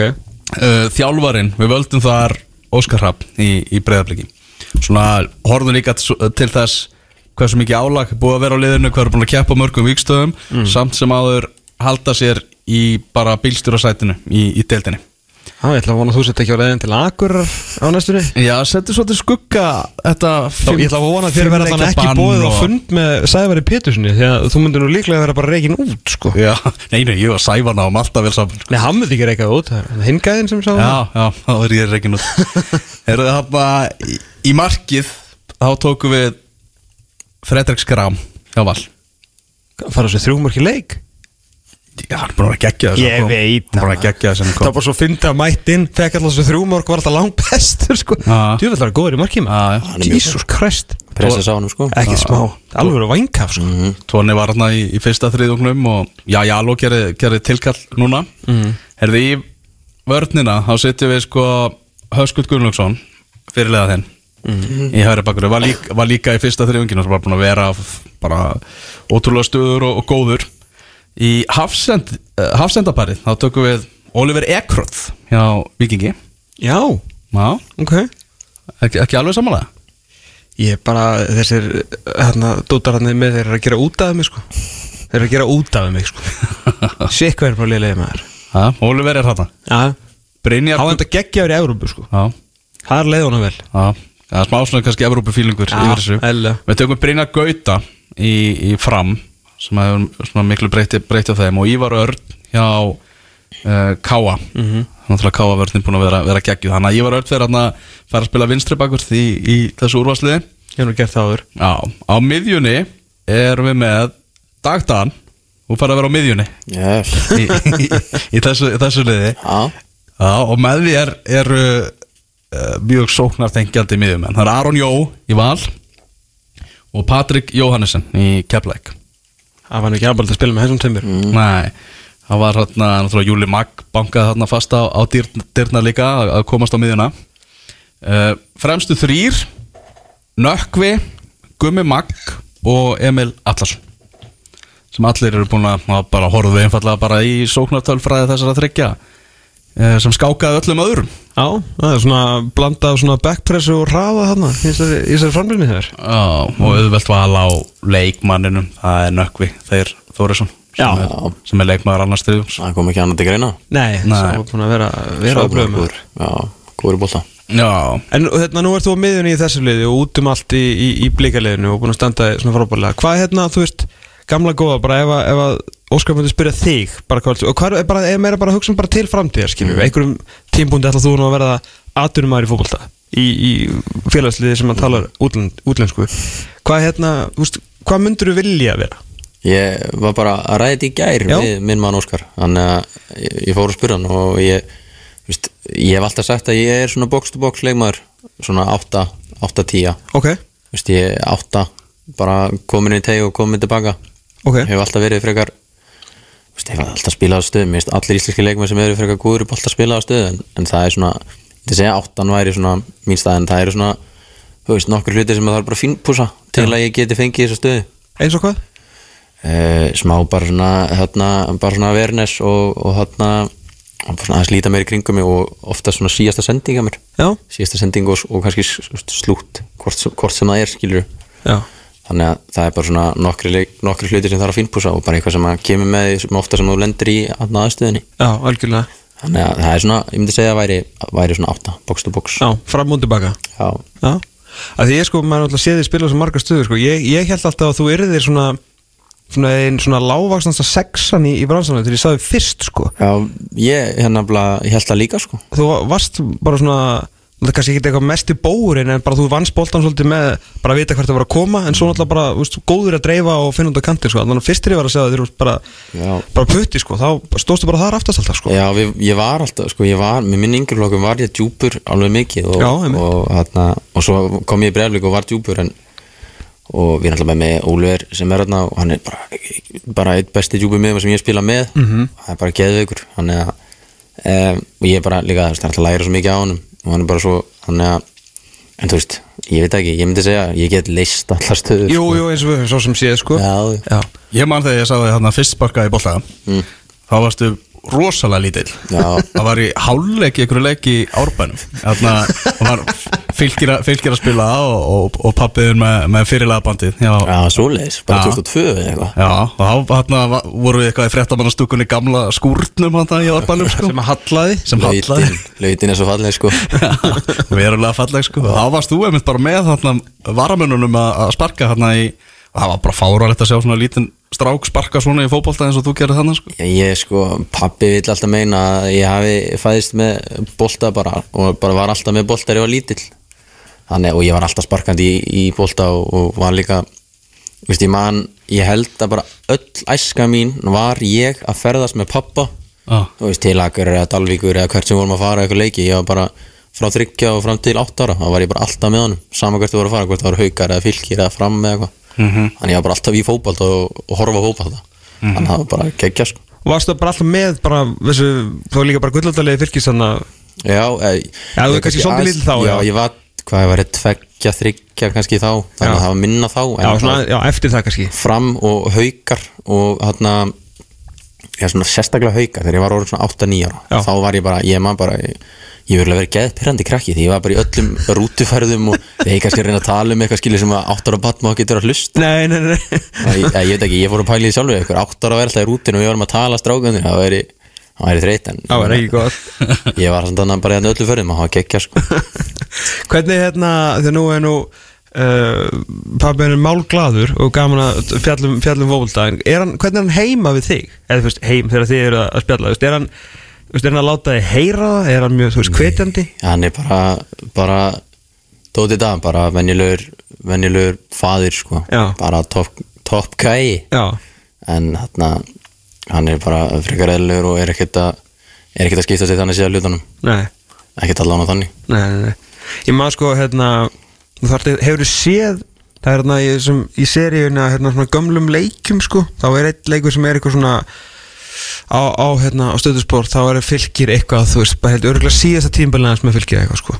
Og er það svona, hann er svona smá spýtukall sko er hérna í, í bakverðunum það, hann tekur eitthvað albest að þú verður eitt mann að segja þetta sko og síðan með það er bara það er alltaf ótrúlegt að hann haldi boltanum. Þetta er eitthvað versta knattrak í bara sögu efstu deildar sko. Ok. en hann nær samt eitthvað þegar hann rettur sér að hann gefur stóðsendingu eitthvað sko. Hann var svo ólsegur sem leikmaður sko. Já, ég er nefnilega, ég man ekki alveg eftir honum hvernig hann var. Hann var, hérna ég man, eh, minn, mín minning af pappa í fótbolta er þegar hann skallaði hann upp í skeitina mútið breyðabliki í fjötu tapi á hlýðarenda það er eina sem ég man að þókli þannig annars var ég bara, ég var veginn alltaf bara sjálfur eitthvað að leika mér í fótbolta en, en ég man ekki hvernig hann var. Ég hef samt horta, ég horfði alltaf í COVID þá var alltaf eitthvað svona leikir Já, verið að sína það þá var- ég alveg stundum að horfa á eitthvað. Hann var eiginlega alveg eins innan og utanvalla sko. Bara svona brjálu svona, þú veist, skilu við mjög skemmtilegu maður, þú veist, mjög lífsklæður og skemmtilegur, þegar ég var að byrja á .net, þá var hann alltaf komin í B-dild og var alltaf að vinna, þú veist, eitthvað að lið ásins eða besti leikmaðurinn í B-dild sko, hann var svona hittan, mm. hrikalega skemmtilegur maður, sko, hann var líka svo mikið leiklið á velli, sko, en samt svona ég veit ekki, það var svona mikil persónleiki á velli, sko. Já, hann er, er mikið persónleik Mhm. Þetta, þetta sumar náttúrulega búið að vera geggjað fyrir þig bara á, á topnum og búin að spila frábælega og það er náttúrulega undanúslit í byggar bara núna í vikunni. Á miðvikudaginn, þá er þessi leikur Breiðabliks og Vikings og þá FAK á fimmtudaginn. Taka þrjú að fjögur. Já, þetta er, þetta er svakalega dagskrá og það er fleira spennandi framöndan líka undir 21 ás landsliði Já, hvað, það er í septemberaldi eða eitthvað? Já, þetta er einhvern veginn setjur hluta september. Já, Já, eitthvað eftir, eftir 20 ástaf eða eitthvað. Já, Þá er náttúrulega komið að umspili á móti Tjekklandi um, um sæti á, á EM. Hvernig líst þér að það? mér líst bara úgeðslega vel á það. Ég, þarna, ef ég verið í hófnum þar segja. Ég ætla að veit ekkert um það. Þannig að það væri úgeðslega gaman að fá að fara með þetta ég ætla aldrei farið aldrei farið að hér fóru sumir að ná EM og, og hafa verið hann að sumir í þessu. Þannig að já, væri ég, ég væri bara mjög mikið til þetta sko. Það er örgulega ekki -hmm. Alltaf við, við fórum í þetta náttúrulega strákandir hérna, hvað, 2011 fóruð ekki umspill á, mótið í Skotlandi hérna lögðsöldi, Jú. Ég man til því, ég fóruð þann leik, það var eiginlega full lögðsöldi á Já, þannig að það væri allavega gaman að, að sjá fullt af fólki á þessu leik. Já, það var rutt 21 ás landsliði algjörlega mál málana bara í, í, í það tjóðfélagi tala meira um það heldur en ég man að þeir voru að öllum auðlýsingum og Já, já, já, það já. ekki talað um aðeinslega Og 21 ás landsliði sem það fekk fyrsta pikk á leikmenn. Geir bara afhengt ára það sko. Hvað hérna, verður leikunum lögðarsvellega? Verður hann ekki í hafingina? Nei, ég myndi, er hann ekki að þeir að vinna leikin sko. Það er að spila á heimavelli sko. Heimavelli, já, nákvæmlega Þetta er, afskaplega gott. Við erum búin að vera mjög lukkulegir með undir 21 landslið og er enda fleiri yngri landslið en kannski undir 21 landslið síðustu 2, 3, 4 árin. Það er alveg gomma af leikmönnum sem að er að fara að gera eitthvað og eru nú þegar að gera eitthvað á sínu ferli. Algjörlega því og ég man að menn voru að tala um að það væri engir þannig sem ungi leikmenn að fara að taka við af, af þessum, af þessum endur leikmennum Nei. uh, en eins og horfum við núna yfir þetta við erum með þú veist, við erum með fjóra markmenn bara að starta í, í einhverjum Hvað og? Já, við erum með skilur leikmenn 2, 3, 4, 5 í FCK og bara actually að spila og æfa með aðliðinu og við erum með leikmenn að spila í ítölsku í úrstildinni og þú veist, það er hellingar leikmenn manna og svo erum við með menn eins og Ísak og, og menn sem eru með potential og Kristla Mána og bara fullt af leikmennu sem að þú veist, það er endalista leikmenn manna sem get talið upp þannig að ég er bara virkilega spenntið fyrir komandi árum sko. Hérna, kannski svona leikmæri sem flestir myndu tippa á og setja einhvern peninga og myndu ná lengst akkurat núna spurðu í þjóðfélaginu líklega Kristján Ökkur Linsson mm. ég svona halda allar með það Ég mér svo glemt að tella hann upp. Já. Sá er góður. Hversu, hversu góður er, er hann sko, ég held að maður bara maður, er að- maður sér svo lítið á hann til miður. Og í, bara í þessum undir stöðunslandsleikjum sko, og maður bara svona, ok, það er ekkert allir mm. veist, ég hef ekkert allt, oft séð átjörnum menn og 17 þegar maður var að sjá hann fiskarski gera svona hluti. Nei, hann er bara, sko, hann er Þetta er svona fyrsta skipti sem að leikmann og hugsa bara Þessi gæi eftir að ná bara mjög langt Maður bara sá það. Hann er bara með eitthvað svona Það er bara eitthvað svona touch og, og, og hvernig hann er með boltan og hvernig hann ber sig á fótboltavelli og, svo er bara slúttin hans og, Mhm. og yfirvögun á boltan Það er bara Það er eiginlega að það er bara magnað allána Mér sérstaklega eins og þegar ég var að horfa leikina með landsliðinu og var ég bara á bekknum og ég var að horfa skilu Mhm. og mikið að horfa á hann bara og hann bara kemur sér alltaf í rétt svæði finnur sér stað til að snúa og með rétta sendingar, viktin í sendingum. Og það er svona svolítið munurinn á held í íslensku leikmönnum og leikmönnum sem er að spila vel út í heimi. Og það er bara svona þetta litla og Já. hann er með það. Þannig að fótbolti er töluvert einfaldari þegar það er enginn í kringu þig og eins og ég upplýði þegar ég sá hann held í fyrst hvort var að Greiklanda kýpur sem fórum á í árbænum Þú veist, það var aldrei neitt nálátt honum. Nei, skilur, hann er alltaf bara einhvern veginn, þú veist, hann rikki frá mönnum á réttum tíma og þú veist, og hann er með boltan kannski með til einu og halva sekundu, sko. En svo kannski maður heldur að þetta sé ógstlega létt þegar maður horfir á þetta. Já, bara- en það er bara hann að skapa sér svæði alls hann bara tíma. lætur þetta lítið út, þú veist, fótbolt er náttúrulega mjög, þú veist, mjög ísi að koma send, næstu sendingu frá þér eða er ekki nýðir, en hann býr það til og maður bara, ok, ég hef ekkert alltaf séð þetta. Þetta er eitthvað svona, eitthvað gilva sig eitthvað dæmi, sko. Já, þeir, mér finnst það nefnilega smá líkir svona í, í reyfingum úst, á vellinum, Já. þannig sé en, en svo náttúrulega, veit ekki maður, ég vona bara svo innilega að hann hann að hann náu sem lengst því að hann er ekkert eðlilega góður í bolta. Já, það er allan að margir hérna og svona á leiðinu og ekki, ekki amalist þar að vera alasist þar að fá einhvern veginn að taka þessa mennuna upp sko, á móti eitthvað nýtt Já, það er örugglega geggjað sko. Já. Þú ert, eins og áður kom fram Manchester United stundismæður yes. Hvernig líst þér á þetta? Ég, eftir fyrsta leika þá sagði ég að við myndum ekki ná top 10 en hvað er komið núna? 95, það er 1-0 Já, ég sá tónum það liggur hérna á United og Erik Ten Hag annar leikin í rauð að gera svolítið varnarsinna skiptingar. Casemiro og Fred mættir til þess að reyna að loka þessu. Casemiro, sú kaup maður. Ánæður ekki? Já, ég, fyrst var ég óanæður en svo Mér, finnst, það- mér fannst hann alltaf með eitthvað svona smá bollukinnar og ég held að hann væri ekki í shape en svo sá ég hann koma að einhver ég sá það hjá United á Instagram ég er ánæður, ja, hann var bara í stúkun og unnu leik, hann er presence Hann má líka eiga það að hann á líklega svar tímabilsins sem hann var spurður á blæðamann og fundi hvort hann var ekkert svektur til það að United var ekki Champions League. Og hann einfallega svaraði nei nei, ég er búin að vinna þetta fimm sinnum. Já, Komið leið á Champions League. Hversu hægt svar? Þetta er grjót hann, sko.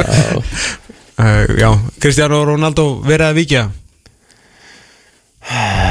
Já, hann er ég, er, sko, ég er Ronaldo maður sko, í rauðan döið Já, ég, ég, trúi því. ég myndi verja minn mann alltaf sko, ég, En það snýst þetta ekki um hvort það sé góður ekki Ég veit aldrei að sé en nógu góður. ég held bara, hann er orðin hvað 37 ára?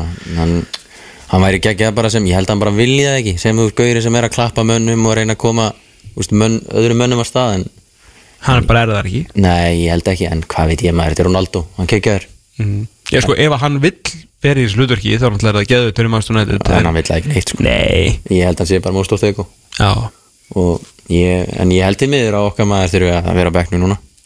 Hann þannig að komin inn á ekki, ekki ennþá búin að skora stæðan en þá 1-0 komin fram hérna á 70 mínúti í uppbóta tíma Hvað hérna, það er endur Það er endur mættir hérna þrýra á 1 og þá vaknar okkar maður hérna hinn með Ljónumann Kristján Nei, nei, er ekki, mikið til þessu þetta var ekki góð Langkjöndilegast að vinna bara með einu marki og það er búið að flöta til leiksloka þannig að það er annars sigur Manchester United í röð 6 stig en það er, er verk að vinna fyrir Ten Hag samt sem aður Já, ég Ég sagði við þurftum miðjumann, hann keipti Casemiro og ég vil meina við þurfum einni viðbúð kannski. Og, og kannski strækjar þá voru við svona konum með ágæðislið bara svo lengi sem Fred og McTomin er ekki að spila þá er ég Saman eða bara ekki yfir höfuð Já, ég er reyndar ekki hrifin af kóru ég er, mér finnst þeir báðir ekki tróparir en Nei, saman virkar þetta ekki neitt Nei. Þannig að McTominay hefur staðnað all svakalega Sá var lélur á móti eh, hvað var það, Bor Brentford Brentford Guð minn góður. Guð minn góður, ég horfði á hann, ég var bara hvað er að gerast hann? Hugsaður gæti ég bara ekki ég, gert betur? nei, ég hugsaði bara, ég pottið Já, ég gæti gert betur. Já, og bara allir í, á Íslandi gæti gert betur en hann hann. 100% Já, var þetta alveg, alveg ræðilegur Nákvæmlega. Heyrðu, bara dag að dag. Takk hjálpa fyrir komuna. En svo segir, leikur á morgun í Kópavóinum Og vonast eftir góðu fjöri. Já, já á stuðnisvænum Breiðabliks. Heyri bara röddinu að bresta í alveg Yeah. og fór ekki að mæta kópásvellin lengur. Það það var að klára þess að leiki samt sko. Ég veit að það þarf að spila þetta sko. Nei, Já, það verður hörkuleikur. Já, þetta verður hörgið saman, þetta verður klálega hörguleikur Leiknir með gott lið og unnu, hvað tókur Káar í sérst leik? Já, Fjögur já, smá, síndu loksins smá karakter og svona Þannig að vonandi að byggja eitthvað hóna það. Já, fimmleikir í dildinni á morgun meðlans breyðablík uh, leiknir og vel var talað um dagur Takk hjálpa fyrir komuna, reyngarlega gaman að fá þig. Gangi er uh, vel á morgun. Takk hjá Uh, ég Takk held hérna áfram uh, eftir aukna bleik ætlum að fara kannski að spötur yfir United Sigurinn Tryggupál Tryggvason á línunni og kannski sumulegis þessi uppreysa á mánudagskvöldið sem var verulega óvænt Það held ég lokaspretturinn í fótbolti.net þennan uh, laugardaginn. Helvar Geir Magnússon hlaupin að uh, lýsa en ég ætla að klára þetta hér með smá ennska boltanum. Manchester United var að klára uh, hátægisleikin í ennska boltanum með 1-0 sigri gegn Southampton. Bruno Fernandes með markið í setni háleik annar sigurinn í röð hjá United-mönnum til þess að fagna því fyrir hönd United-manna er talsmaður Manchester United á Íslandi. Rauðu djöfellin sjálfur Tryggvi Páll Tryggvason á línni Tryggvi Heill og Sælunur fínasta háti eða hvað? 60 í húsi eftir erfiða byrjun? Já, já, ég menna ég vil að beina færa rauk fyrir því að 1-0 útisegur sem þarf að hafa eins fyrir sé bestu últið sem þetta að fá. Já þannig að hérna, kostum ekki. Uh, Bruno Fernandes með, með markið sem, sem fyrr segir uh, tveir segjuleikir í röð mjög ólíkir leikir þannig og svona meiri svona fótbolt í þessu sáðan náttúrulega vilja, vilja spila svolítið bolta lága en sá United í, í restina en það var svona það var svolítið hjarta og, og djörfung og, og dug í þessu öllu eins og kannski á, á mánudaginn og ég veit að langt síðan en við verðum náttúrulega að fá svona þitt Teg, getur þú gefið mig bara svona smá ferðarsögu frá, frá mánudeginum, bara frá því að vakna er raun og veru svona, hvernig, hvernig er leið með þetta alls saman og þar til að þið voru búin að innbyrja sigurinn? Ég þetta var náttúrulega, þú veist, smá kvíðan út í maðunum fyrir hérna fyrir hérna leikinu á mándaginn náttúrulega síðustu við erum út í leifbúin kannski ekki mikið liðið heit, feitum hesti þaðan, þannig að svona og náttúrulega eftir þess að hálungum út í Brentford þá var maður ekkert mjög bjart í uh, hérna en þetta var bara æðislegt frá allilu og kannski hérna hjálpaði þetta liðbúlega kannski svona pínu basli.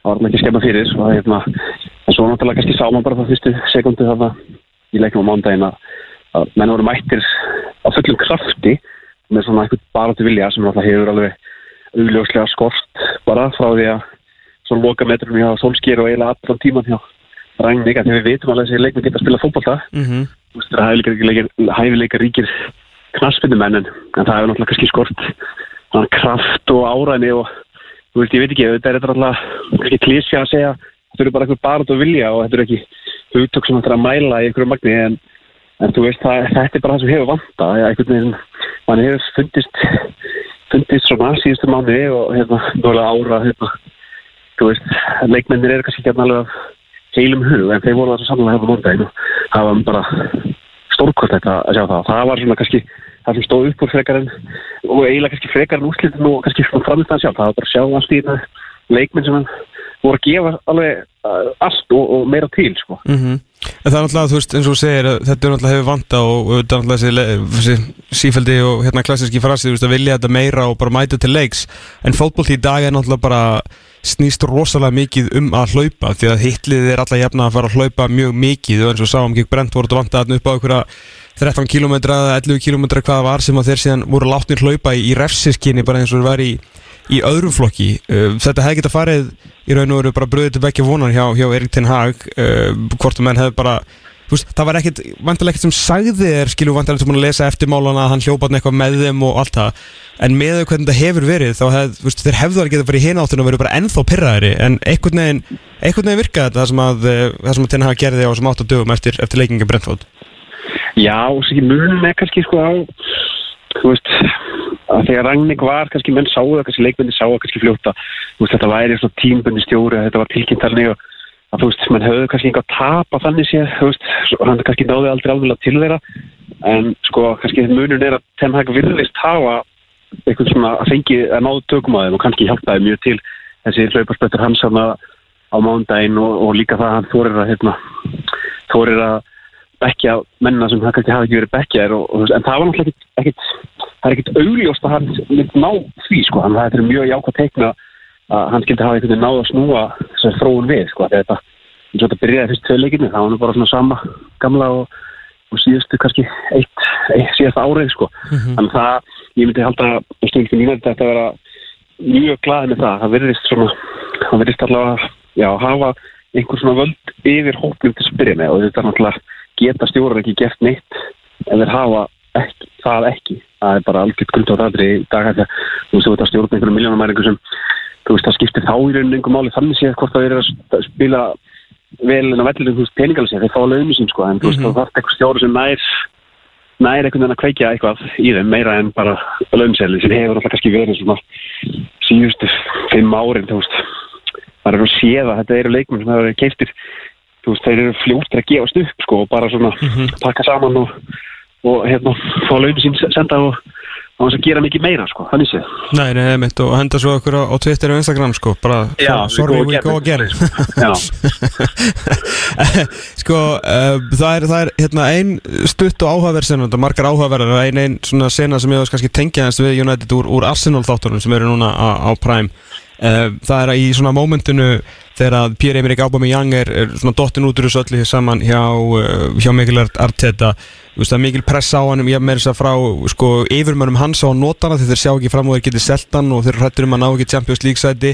Hann stendur alveg fastu við og það kemur svona smá smá hljóðbútur þar sem þeir setja hann að ennsku strákarnir við, við mataborðið og, og þeir eru sko sjálfur að ræða að þeir vilji fá Aubameyang aftur inn í hópin því þetta er svona þegar hann gengur hvað vest en svo segir hvort það sé Ben White sem að segir já en hann þetta er drullu þú svona hann er harður á þessu skilu það er að ljósta þeir þeir svona svöruðu svona þessu, þessari ákvörun vel hjá, hjá Arteta með hvernig þeir ræði þetta.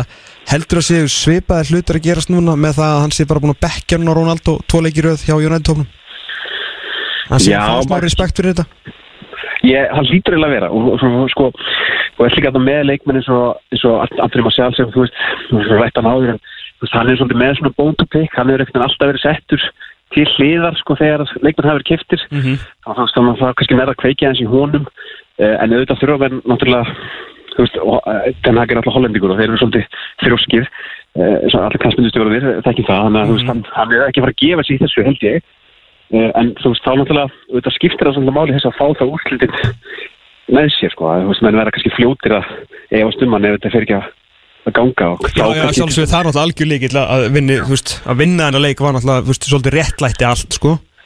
Já, og þú veist, hann er kannski, ef við berum það saman ábyrðum aðeins, sko, þá, að því þú veist, ef Ronaldo væri á þessu stöðu, þú veist, ef hann væri yngri, þú veist, hann er að loka metrunum fyrir hann, það er kannski aðeins auðveldur að réttla þessu ákvörðum fyrir þennan haka að, svona fara að feysa hann út, þannig sé, sko, þó að sé náttúrulega erfitt með að nafnið, að það er svona kannski auðveldur bara aðeins, En Ronaldo vantar líka búin að gera svona United bara svolítið auðvelt fyrir að gleyma sér. Svona, sko þetta er alltaf hefði alltaf verið erfitt ef hann hefði bara allt í hennu farið til bæði munn hérna og bara enginn hefði mátt gera neitt í því en svona framkoma hans vantarlega hefur gert líka bara Ten Hag auðveldur um vik vantarlega að þú veist það er enginn einhvern veginn að öskra Ten Hag menn að Ronaldo er að hefða sér svona sama hversu Nei, mikið hann er, já, hann er eiginlega með svona flest spilin á hendi sko, og svona spilar þetta held ég ágætlega og hann hefur líka passað sig að vera þú veist, svona, þú veist, respektfull í öllum viðtölum sko, þú veist, þannig að hann er ekki að kvarta undur um allavega óbyrðilega þannig að þú veist, hann er að spila þetta nokkuð vel sko, sem er líka svolítið tröstökendi því að hérna, þú veist, mann hefur kannski fundist Solskjör og Rannik, þeir gátt ekki alveg spila þennan leik sko, í, í fjölmjölum þeir einhvern veginn svöruð alltaf Ræning var náttúrulega bara eins heiðilega við verða svaraði bara öllum spurningum bara algjöru staðarindum og meðan einhvern veginn tók alltaf undir alla spurningar og let, let svona veginn til leiðast í því sem blaðmenni vildi fá út úr spurningunum. Jú, jú. Og meðan Ten Hag svona hann hann kann aðeins að spila leikin betur sem þess sem er mjög jákvæmt Já, algjörlega sko. Það er líka eitt kannski með, með Cristiano Ronaldo að þetta var Þetta byrjaði, svona, byrjaði sem eitthvað sem fólk sagði bara uh, sérfræðingar og hvort sem að þessi séu hátsettir eða bara eða, hérna, henni almenni sofasérfræðingur sem veit nú almennt mjög mikið sérstaklega um, um sitt lið. Og það er bara Bruno Fernandes með og án Cristiano Ronaldo og við bentum á þetta í, í uppbyttunum okkar á mándaskvöldi að tölfræðin er, hún er sláandi. Uh, og þetta er, þetta er orðið raun og voru alveg fakta því að þeir, að, veist, þeir bara einhvern veginn funkar ekki alveg saman inn á vellinum sama hvað er að, þú veist, hvort sem að þessi léleitt hjá Bruno að vera lítill þegar Ronaldo er inni að hýrða boltan eða hvað sem er en þetta er allavega ekki að funkar. Bruno skora 37. markið sitt í premjör lík í dag, hann er markaðist í miðjumæðurinn frá komu sinni í deildina þráttur að hafa tekið sér nána sko eins ás pásu með Ronaldo henni talandi um aldur og framtíðarmúsík ég menna þú veist, þú ert, ef þú ert ten hagið alltaf að fara innan gæsalappa veðja á Bruno í byrjunleginu frekar en heldur en Ronaldo Já, ég, það er náttúrulega mjög lógist og kannski líka það sem Jónættið vantar miklu frekar heldur en sko einhvern sem skor mörg þannig séð sko er einhvers getur búið eitthvað til. Já. og það er náttúrulega þú veist það hefur verið náttúrulega bara ekki þessu hellin síðustu þú veist 2-3 ári það er þessu sköpunar kraft við hefum verið með mjög fáa leikmenn sem geta skapað eitthvað. Við hefum alveg verið með leikmenn sem geta klára færin sko. Og svo er þetta gott að hafa Ronaldo í því það er ekki slæmt sko. Jú, jú Hérna, en þú veist, þannig að já, ég, þú veist, veit að það, ég myndi segja að það væri svona betra veðmál, að hérna þú veist, það er, það þar vantar virkilega hérna hjá United og það er til dæmis gott að fá þetta þá ertu komið með svona annan sköpunar hæfileikar, þetta hefur alltaf bara verið á það er annarkvæmst verið að herðum að Fernandes eða svo var þetta að herðum að Paul Pogba svo voru ekkit, þú veist, United var ekkit að skapa sér inn færa viti frá öðru leikmannum sko. svo sér maður öll híliðin sem eru bara að skapa sér færi úr bara, þú veist, frá öllum mögulegum stöðum á öllum, sko. Uh, annar anna leikmaður, ég ætlum ekki að færa í gegnum all liðið en annar leikmaður sem ég verða að hérna, fá að spyrja þau út í hann og ég sleppi þér út í, í lögadaginn Lisandro Martínez fekk heldur betur hann var dæmtur ónót hæfur eftir eh, sérstaklega fyrstu tvo leikina. Uh, tveir leikinun í röð og raun og verið þrýr leikir röð.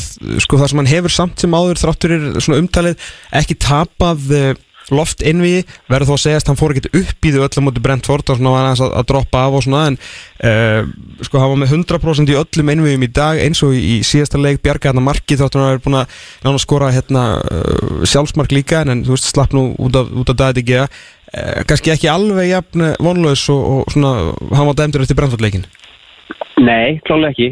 Hérna, klálega mjög mikið verið efastum hann og, og, og hérna þú veist það var sagt að hann get ekki skalla en hann var nú kannski ekki fengið til að skalla bóltana hann var fengið til að spila fólkvölda og hérna, þú veist það er kannski svona eins og til dæmis í liðbóla kannski tvei hlutir sem stóðu upp úr þar. Það var annars vegar þessi tækking að sala í til að byrja með bara hann er upphæðuleiksins komið með smá attitút og kveikti svolítið í Old Trafford. Og svo náttúrulega á hann mjög mikla líkilsendingu í markinu sko, þannig að þú veist þannig erum við kannski að fá hennan svona þetta litla nagg sem er svona er bara þú vilja aftur þó þetta sé, þú veist, fysikent hugtak sem er bara algjörlega ómænilegt þá, þá, þú veist, það skiptir mál að hafa svona karaktera svo náttúrulega er hann bara góður að lesa leikin og kannski þú veist, það bera í hérna barnfittar leikin að vera eitthvað að segja með Harry Maguire en þú veist, ég finna það í þessu liðbúleiknum náttúrulega þú veist, það er betra að hafa varan lína á sig heldur en Maguire, menn líta betur út og þeir náðu miklu betur saman, sko.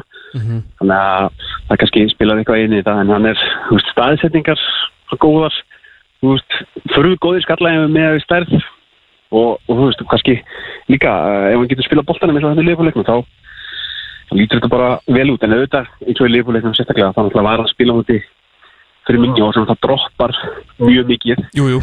Þannig að þetta var kannski, þú veist, það var kannski öllítið öðvöldar fyrir hann að verjast honum, kannski meira svona sem hann er vanið í Hollandi, ég, þú veist, ef Darvin Núnes hefur verið, þá var kannski lendið smá meira basli. Jú, jú.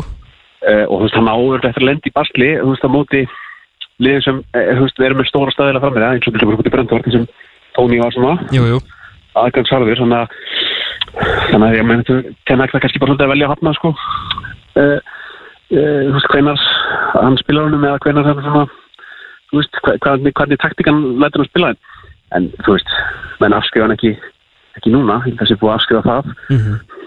Glukkadagur rennur upp í, í næstu viku það er Ajax finnur fyrir því að United langar mjög mikið í, í Antoni brasilíska vangmannin þar sem að svona tölfræðingar og, og statmenn á netinu eru búin að útskýra að ættu nú að gera mjög góða hluti fyrir United. Þeir verið að fá helgarins hellings og, og rúmlega það ætla bara alveg gjössalega beigja United í áttina að eitthvað vel í áttina 100 miljón evra, evra múrnum eru þau stórkostlega skrítin upphæð fyrir mann sem er að koma úr Eredivisie en, en heldur þetta finnur þau hvað segja hérna smáfuglanir uh, á, á Old Trafford Tryggvi sem var nú í tengslu við heldur þetta verði klárað sama hvað Ajax vil fá það? Mm, Já, hlýtur að vera eitthvað þakka þessu. Þetta kemur rosalega óvart ef Ajax fyrir að hafna þú veist, eitthvað mikið herri uppæð eða sem að næsta búið að vera eitthvað öldu herra þetta er náttúrulega svakalega uppæð fyrir þennan leikmann þeir fá aldrei svona tilbúið aftur þannig að veist, ég held að ef United hækkar sér eitthvað smá þá, þá hljóta er að selja hann sko, það er svo annar mál hvort að þessi gáðulegt, menn að tala um þess að finja fór sem er, þú veist, ég held að sem er sömu tölu að hérna, landsleikin fyrir Brasilíu og, og hérna, áfengur leikmaður, hann fór á 55 miljónir til bæinn, skilju Búin að sanna sig í League sko, hann var ekki komið úr Eredivisie sko Já, þess, þess þá heldur sko, þannig að hérna, 85 miljónu pundaðir er sérst uh, segir, segir slúðublöðin, gödublöðin í dag að sé vermiðin sem erum búin að setja á hann endanlega, þú veist, bjóðið það 84,5 og þá fáið hann. Já, það, þú veist, það, menn hljóta að, að, að hérna, vera mjög örfandikafullir þegar menn er fann að bjóða svona. Og það sem er líka svolítið skrítið við þetta allt saman og það sem er náttúrulega mjög skrítið við þetta glugga er að, er að menn er búin að vera blása, blása, blása, blása, blása, það er ekkert gengur. Og svo allt í einu þegar glugginn er að lokast þá er allt í einu að bunga út hérna, hvíliku upphæðina. Og þetta er bara svona skólabókudæmi um hvað þú veist, skipulaði hjá þessu félagi er náttúrulega bara algjörlega í mólum að þessu leiti sko. Já, þeir hefðu mætt bara, þú veist, 14. júni með svona 55 miljónir, það var alltaf alltaf sagt já, sko. Já, og bara þú veist, og það, þetta þarf alltaf bara að vera og þú veist, menn þurfa bara að fara að segja bara, hefur tekið þetta lífið, ok, næsti. Já, Þú veist, hætta þessu bulli, þetta er ekki gott fyrir neitt nema liðin sem verður að selja.